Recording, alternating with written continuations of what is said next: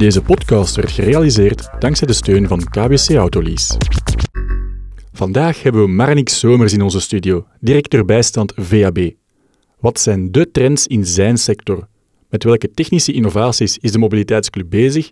En natuurlijk stelden we hem de onvermijdelijke vraag over elektrificatie. Goedemiddag, uh, Manix. Goedemiddag, Filip. Welkom in onze studio.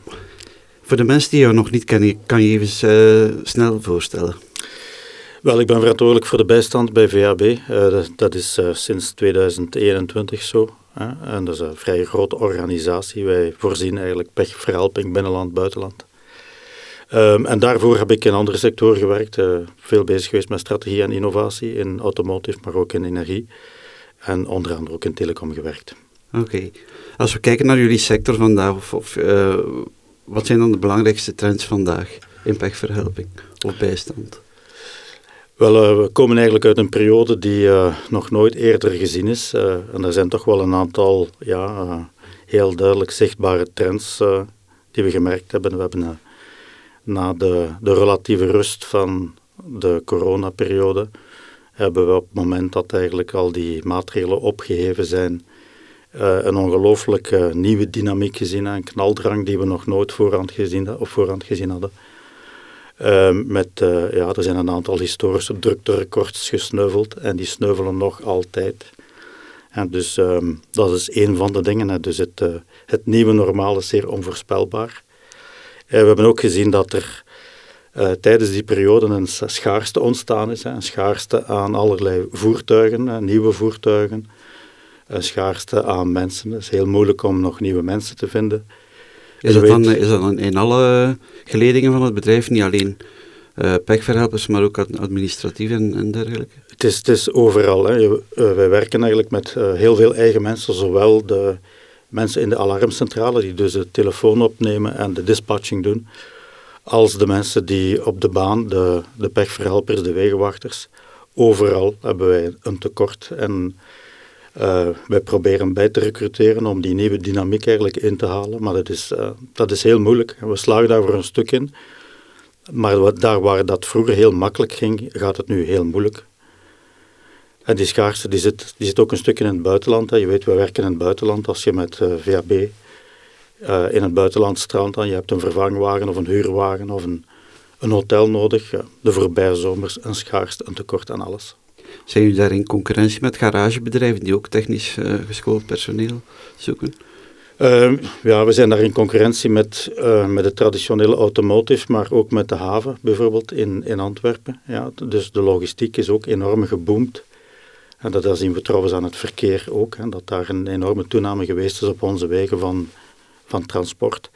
En vaak staan onze chauffeurs ook wel in concurrentie met in feite de vraag vanuit de haven. En de haven is natuurlijk een, een hele interessante werkgever. Dus ja, het is uh, nog, nooit, uh, nog nooit tegengekomen. Okay. We gaan het eventjes hebben over jullie, zeg maar, business. Ik weet dat jullie een soort top 10 hebben qua meest voorkomende pechgevallen. Hoe ziet het er van, vandaag uit? Dat is eigenlijk een, uh, een hitparade waar dat, de nummer 1 en de nummer 2 altijd dezelfde zijn. En dat, dat zijn problemen met banden. Ja, dus allerlei ongevallen en banden, uh, pech die je kan, kan voorhebben, dat maakt eigenlijk ongeveer een 40% uit van alle pechgevallen die we hebben. En um, het tweede probleem wat dat ook voortdurend voortkomt, is eigenlijk een 12 volt batterij die, die moet vervangen worden of die, uh, die leeg is. En waarbij dat we dan een boost moeten geven om die terug uh, aan, de gang te, aan de gang te krijgen. En ja, we zien steeds meer toch bij de bedrijfswagens ook elektrische wagens op de baan duiken die al op in de statistieken en zo, ja, met, welke pechgevallen? Ja, um, elektrische en hybride voertuigen die, die groeien gestaag natuurlijk. Hè. We, als je kijkt naar 2022, dan is ongeveer een 10% van alle pechinterventies die dat wij doen um, op hybride en elektrische voertuigen. Het jaar daarvoor was dat nog 7,5. Dus dat gaat wel gestaag en hard vooruit. En ik verwacht dat vanaf midden van dit jaar dat het nog veel sneller zal gaan. En het, uh, het opmerkelijke, of misschien niet zo opmerkelijk, is dat eigenlijk ook de, de pechgevallen die daarvoor komen op nummer 1 en nummer 2 ook zijn banden en ook batterij, de 12 volt batterij dan wel. Niet de grote batterij van de, van de aandrijving. Dat komt eigenlijk bijna nooit voor. Want je hoort natuurlijk heel veel mensen eh, die, die, die eigenlijk een beetje weigerachtig staan tegenover elektriciteit omwille van autonomiestress. We gaan hem leegrijden, we gaan langs de kant ja. aan de baan staan, maar eigenlijk gebeurt dan niet veel. Als ik nee, goed dat gebeurt quasi nooit. Hier en daar zal het wel eens gebeuren. En wat we dan doen, eigenlijk de meest efficiënte en veilige oplossing, is, een, uh, is de klant eigenlijk gewoon wegslepen naar de dichtstbijzijnde laadpaal, hè, idealiter een snellader. En er is ook heel veel te doen geweest een paar jaar geleden rond mobiel laden. Maar die kaart hebben we dus bewust niet, niet getrokken.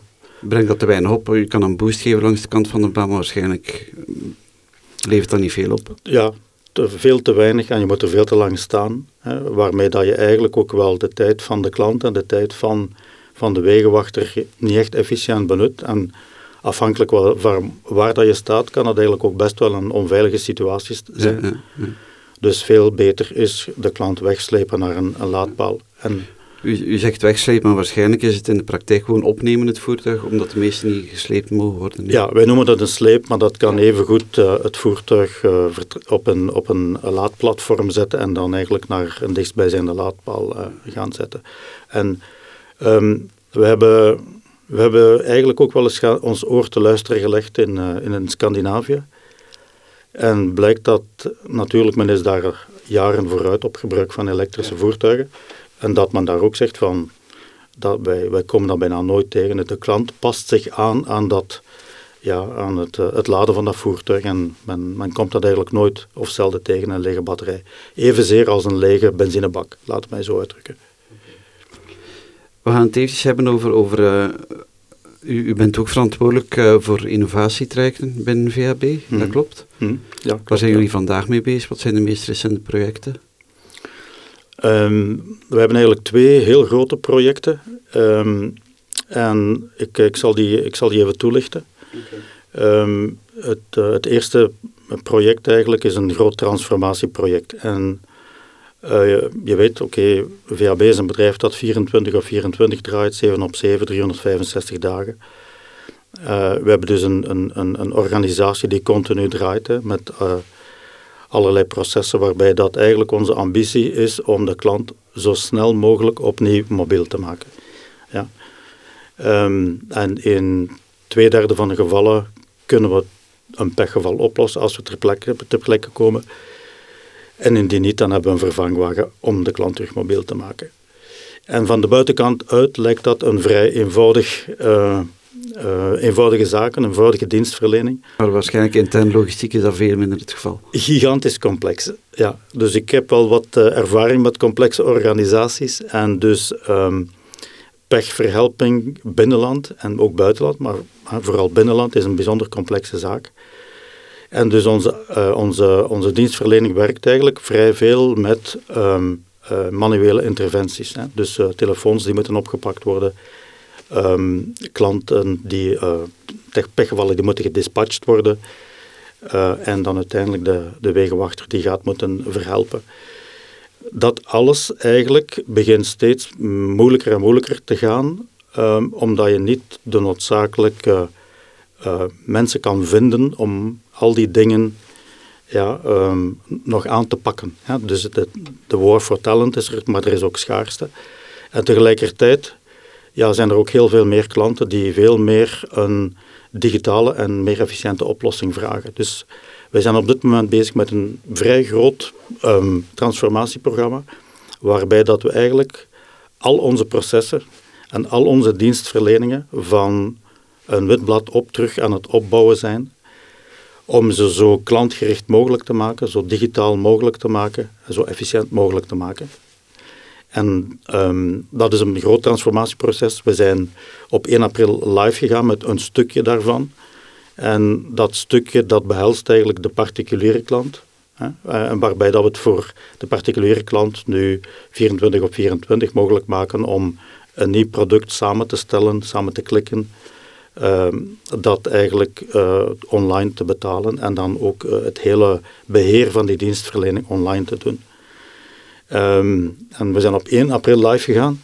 Dat is een bijzondere datum, dat is vlot verlopen.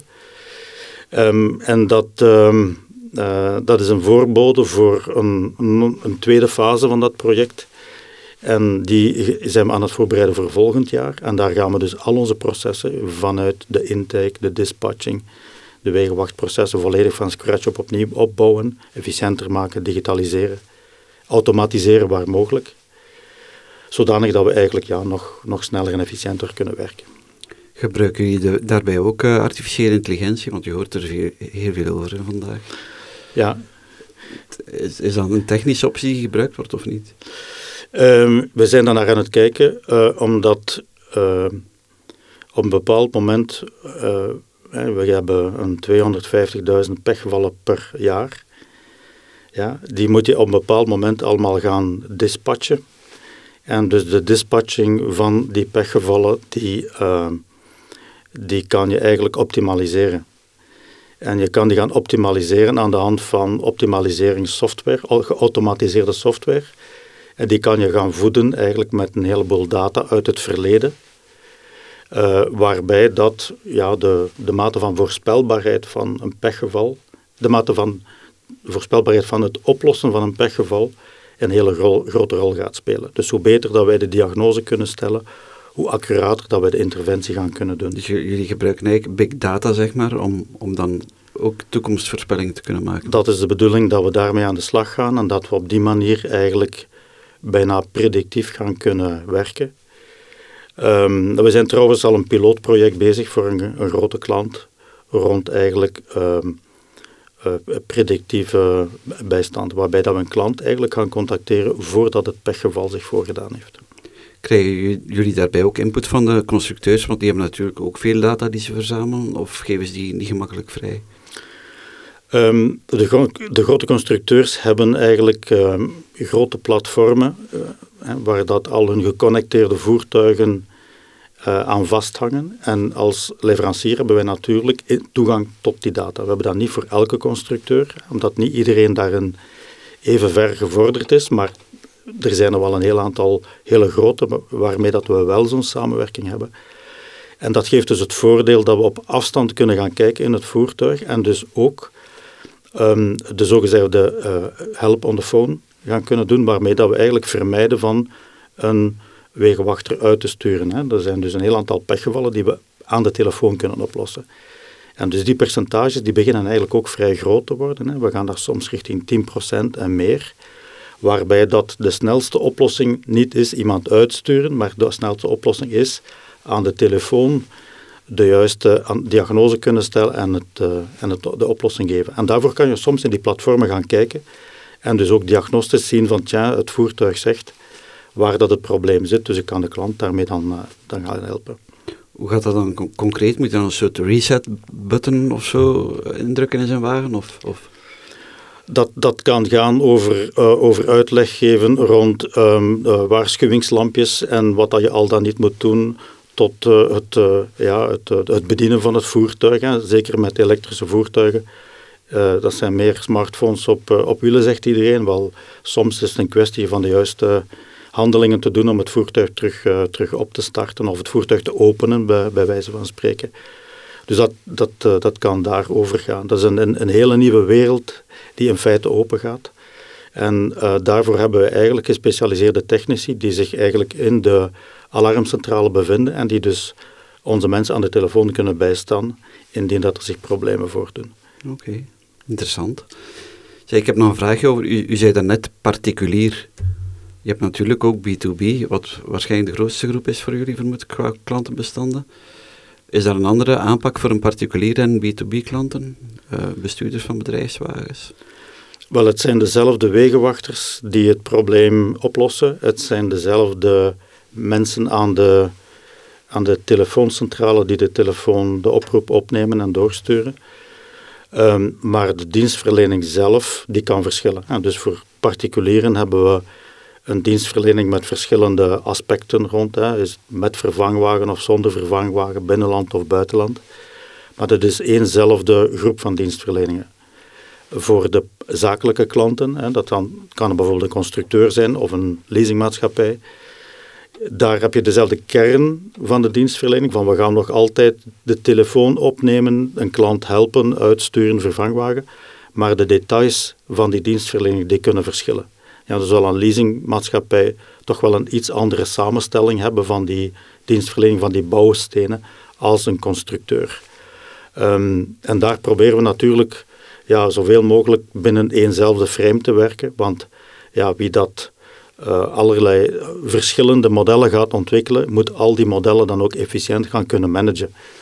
En ik denk dat daar dat we ook in onze transformatieprogramma's willen evalueren naar een, uh, meer een, een, standaardisering van wat dat mogelijk is. En er bestaan heel veel keuzes daarbinnen nog. Maar we weten ook uit ervaring dat hoe minder nuttig maatwerk dat je gaat doen, hoe meer dat er losse eindjes komen. Dus daar gaan we ook wel echt zeggen, we gaan ons richten op de kern, uh, kern van onze business, klanten terug mobiel krijgen. Maar afhankelijk van klanten zitten daar verschillen op. Eventjes over fietsbijstand. Zeer populair aan het worden, zeker in de bedrijfswereld, bedrijfsfietsen. Wat stellen jullie daar tegenover? Qua service. We zijn, we zijn eigenlijk vrij vroeg begonnen aan die fietsbijstand. Ik denk dat we bijna tien jaar bezig zijn. En we hebben dat heel snel erkend dat een fiets een uh, alternatieve mobiliteit zou, uh, zou verzorgen eigenlijk. En dat je dat eigenlijk moet zien in parallel met een, uh, met een wagen. Um, en we hebben eigenlijk ook wel een vrij grote vloot aan fietsen momenteel onder dekking. We hebben een, een, een, de kaap van 200.000 fietsen onder dekking bij VAB is al lang gepasseerd. En dat is een blijver. En we hebben ervoor gezorgd. Uh, in het begin hadden wij een, uh, een, een, groepje van wegenwachters die gespecialiseerd waren in alleen maar fietsen te doen, de zogenaamde pechverhelpers. -hmm. Maar dus vrij snel is de vraag zo snel gestegen dat we ervoor gezorgd hebben dat alle van onze 350 mannen op de baan, um, dat die ook wel uh, getraind en capabel zijn eigenlijk om interventies op fietsen te doen. En zijn dat dezelfde pechgevallen, batterijen, banden of toch iets anders? Um, dat is vaak, vaak wat gecompliceerder, omdat uh, ja, je hebt daar heel veel modellen van fietsen in. Hè, en dus uh, we, we kunnen niet bijvoorbeeld dezelfde dienstverlening geven als voor een voertuig. We kunnen proberen te repareren en banden ook daar nog meer. Ik ga zelf vaak mee met zo'n wegenwachter. En de problemen die ik altijd tegenkom zijn altijd banden. Dus het percentage banden ligt daar nog hoger. Maar natuurlijk als het over de batterij zelf gaat, voor een voertuig hebben we een aantal referentiebatterijen op, aan boord die we kunnen vervangen. Voor een fiets is dat niet zo. Dus als er iets met de batterij van een fiets een probleem is, dan gaan we gewoon terug naar de, naar de, naar de fietswinkel of naar de hersteller toe. Daar, daar, daar komen we niet aan. Maar dus alle andere dingen die met de fiets, de versnellingen en zo kunnen, kunnen verkeerd gaan, die kunnen we natuurlijk oplossen. U zegt uh, daarnet van ik ga vaak zelf mee. Dat is wel interessant. Leg eens uit. Waarom is dat? Om, om toch een voeling te hebben met, uh, met wat er in, in, het, in het veld gebeurt? Ja, ja. Um, het is, uh, zoals ik zei, het is een hele complexe wereld. Maar de complexiteit van elke dag kan je alleen maar verstaan door, bij wijze van spreken, zowel aan de telefoon mee te gaan luisteren als met de wegenwachter mee te gaan. En dan begrijp je eigenlijk welke praktische problemen of opportuniteiten die, die, dat er, die dat er voorkomen. En dan voel je zelf hoe dat het is om in zo'n een systeem van s morgens vroeg tot s avonds lang te werken. En hoe dat, ja, um, hoe dat uh, pechgevallen binnenkomen en uh, hoe duidelijk dat die binnenkomen. En uh, ja, alle verbeteringen die we doen zijn eigenlijk gebaseerd op dat soort van, van, van field visits om te zien wat, ja, wat, wat, wat gaat er mis. Dus dat is heel erg nuttig en het is ook wel aangenaam. Eventjes terug naar de wagen. Um, door de covid-crisis, daarna de, de oorlog in Oekraïne, is er heel veel disruptie geweest in de logistieke ketting van levering van nieuwe wagens. Statistisch gezien komen er daardoor meer oudere wagens op de, op de weg, ook tweedehandswagens. Hmm. Zien jullie dat opduiken in de statistieken? Dat er meer pechgevallen zijn die gerelateerd zijn aan, aan leeftijd van het voertuig? We zien dat de, de interventieratio dus wel wat gestegen is in vergelijking met de vorige jaren. En we zien ook dat de gemiddelde leeftijd van een voertuig gestegen is. En we zien ook dat voertuigen wat minder goed onderhouden worden. En dat klanten, zeker in de periode na uh, corona, na de lockdown, misschien een stukje terug opnieuw gewenning nodig hebben op de weg. En dat zijn allemaal factoren die ertoe geleid hebben dat er ja, toch ook wel wat, uh, wat meer pechinterventies komen. En natuurlijk, wij werken met, we zijn heel erg afhankelijk van de verkoop van nieuwe voertuigen. Ongeveer één op twee nieuwe voertuigen die verkocht wordt, die komt bij ons in portefeuille. En als daar dan problemen zijn met chips of met de aanvoerlijnen rond de kabelbomen en dergelijke, dat voelen wij dadelijk, dan, dan blijft men langer rijden met, met auto's en dan ga je automatisch een stukje meer uh, pech tegenkomen. En die trend die is nu aan het keren omdat er nu meer nieuwe wagens op de markt komen. Ja, sinds begin van dit jaar zien we echt wel duidelijk dat die aanvoerlijnen soms wat ongecontroleerd, maar bon, ze komen terug los. Waarbij dat we dus ja, verwachten het omgekeerde te zien, dat uh, dus voertuigen meer gaan ingewisseld worden, dat die gaan gedefleet worden, dat die op de tweedehandsmarkt gaan terechtkomen. Al maak ik mijzelf ook wel de bedenking, op basis van ja, wat ik ook hoor in de, in de markt, dat de auto-industrie niet meer terug wil naar de tijden van de zeer grote volumes aan met kortingen en dergelijke. Ik denk, ja, dat hangt ook wel samen met het agentschapsmodel dat veel merken gaan invoeren. Dat, ja. ja. Dan vallen de kortingen sowieso weg. Hè. Ja. ja. En zij hebben al die investeringen ook wel nodig, of al die marges om investeringen in elektrische voertuigen te kunnen doen. Hè. Dat slorpt enorm veel geld op. Dus wij verstaan dat die markt van uh, nieuwe voertuigen, dat men die eigenlijk ja, min of meer wil consolideren. Maar wel, wel vernieuwen. Maar de volumes zelf, die zien we niet echt uh, terug de hoogte ingaan zoals tien jaar geleden. U zei net, elektrische voertuigen, betekent dat ook dat voor jullie of voor jullie mensen op de baan, dat ze een andere aanpak gaan hebben in de toekomst? Want natuurlijk, een verbrandingsmotor heeft wel zaken dat je ter plekke kan doen, maar elektrisch is natuurlijk, kan je niet veel aan doen aan een elektrische motor. Meestal is batterij of wel, Staat daar opleidingsgewijs iets tegenover waarschijnlijk? Wel, al onze wegenwachters die hebben een uh, eh, HGV2-opleiding gekregen. Dat betekent dat ze eigenlijk um, een uh, elektrisch voertuig of een hybride voertuig spanningsvrij kunnen zetten om eraan te werken. En natuurlijk niet dezelfde werkzaamheden als in een, in garage, maar voldoende eigenlijk om pechverhelping te doen. Um, dus die kunnen dat allemaal en die doen dat ook allemaal graag. En we zien dat in opleidingen het, aspect software steeds meer en meer naar voren gaat, uh, gaat komen. Dus um, wij geven voortdurend opleidingen aan onze mensen en we zien dat het uh, elektrische aspect daar een steeds groter gedeelte in gaat, uh, gaat vormen. En er zijn ook nog heel veel elektrische voertuigen die met kinderziektes te maken hebben. Dus ook die kinderziektes die moeten wij telkens, telkens leren. En waterstof zit dat ook in de mix. Er zijn er natuurlijk heel weinig op de markt uh, vandaag, waterstofmodellen. Maar ik was onlangs op een uh, workshop van Educam. En dat ging over hoe dat je aan een waterstofwagen moet werken. Er waren toch heel veel veiligheidsmaatregelen nodig. Zijn jullie daar ook mee bezig? Ja, wij, proberen natuurlijk wel een stukje de vraag te volgen van de markt. Hè. Als er in de markt uh, voertuigen opduiken en pechwallen opduiken, dan gaan we daar ons op voorbereiden. En ik heb de cijfers nog eens nagekeken. Ik denk, denk dat we vorig jaar één zulk geval hebben gehad. Dus nog niet echt relevant dus, dus, op dit moment is dat nog niet echt relevant. Maar um, ja, we zijn daar natuurlijk wel mee bezig. Op het moment dat dat een technologie wordt die wel gaat doorbreken, dan gaan we ons daar natuurlijk op, uh, op trainen. En een aantal, ja, moet ik het zeggen, trainingen rond elektrische voertuigen zijn ook wel zinvol naar um, uh, waterstofvoertuigen toe. Uh, en nogmaals herinneren dat de belangrijkste pechoorzaken nog altijd zijn banden en, en 12 volt batterijen. Dus in die zin ja, is dat uh, niet volledig, niet, moet ik zeggen, is dat niet allemaal heel nieuwe, nieuwe materie voor ons. Oké. Okay. Over de toekomst. VAB vandaag, jullie zijn met van alles bezig, heb, heb ik net gehoord. Hoe zien jullie de toekomst evolueren in het algemeen van de bijstand? Um, het zal een, een, bijstand zijn, denk ik, die steeds inclusiever wordt als product. En, uh, en vandaag is de, de professionele markt, daarin is de bijstand een onderdeel van ofwel een dienstverlening zoals een leasing, ofwel onderdeel van een, een, een, een constructeur, een nieuw voertuig.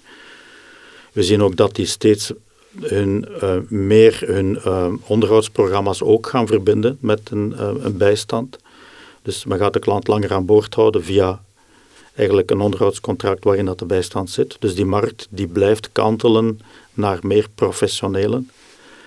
we zien ook, of we denken ook te zien dat in de, de, de elektrificatie van de markt ja, dat een elektrisch voertuig blijft een heel duur voertuig. Dus we zien daar meer de vraag opduiken voor formules in de vorm van private leasing waar dat dan ook weer een bijstand zal inzitten. Dus eigenlijk die tendens van bijstand als een inclusief product, die gaat, die gaat nog verder stijgen.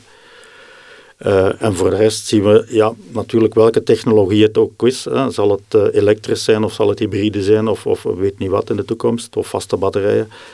Ja, voertuigen zullen meer en meer geconnecteerd zijn. Dus wij uh, moeten onze organisatie, onze systemen, hoe langer hoe meer gaan connecteren en die processen automatisch gaan verbinden met elkaar. Dus je gaat moeten blijven investeren in, om die technologie te volgen of, of bij te houden? Ja, ja we gaan, we gaan een, een, een soort van platformwerking moeten opstellen met onze klanten, waarbij dat de systemen tussen elkaar heel veel gegevens uitwisselen.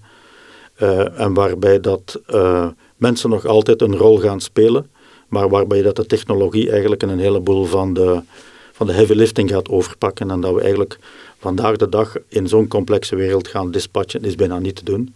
Dus het stukje dispatchen gaat waarschijnlijk voor een groot gedeelte door, uh, door een intelligente machine gaan overgenomen worden.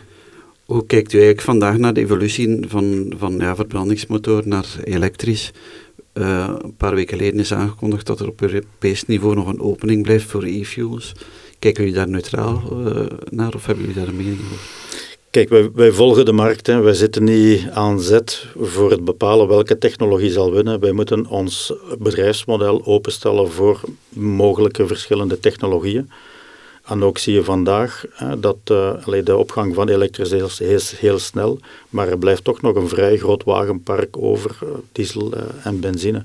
Je hebt natuurlijk die, die tweedeling bedrijfswagen, particulier. Die particulier is heel, veel minder geïnteresseerd hè, in, in elektrisch vandaag op dit moment, maar wie weet welke maatregelen dat er nog gaan genomen worden, of zij het fiscale maatregelen. Om dat aan te moedigen. Om dat aan te moedigen. Dus we gaan die richting uit. Alvast de volgende tien jaar, welke technologie dat er daar nadien komt, dat, uh, dat valt nog te bekijken.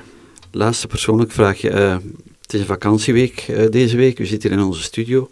Wat doet Manik Somers om zich te ontspannen? Uh, Marnik Somers is uh, iemand die graag fietst. En dan geen elektrische fiets, maar een gewone mountainbike. Omdat uh, ik het nodig vind eigenlijk voor mijn gezondheid om eerder te, alles zelf te trappen. Maar hetzelfde, voor hetzelfde geld, ik lees graag, ik geniet van muziek. maar ik ben wel veel bezig met mijn werk. En dat, dat mag ook wel een best een stukje van de hobby zijn. Okay. Manik Somers, dankjewel voor dit gesprek. Heel graag gedaan.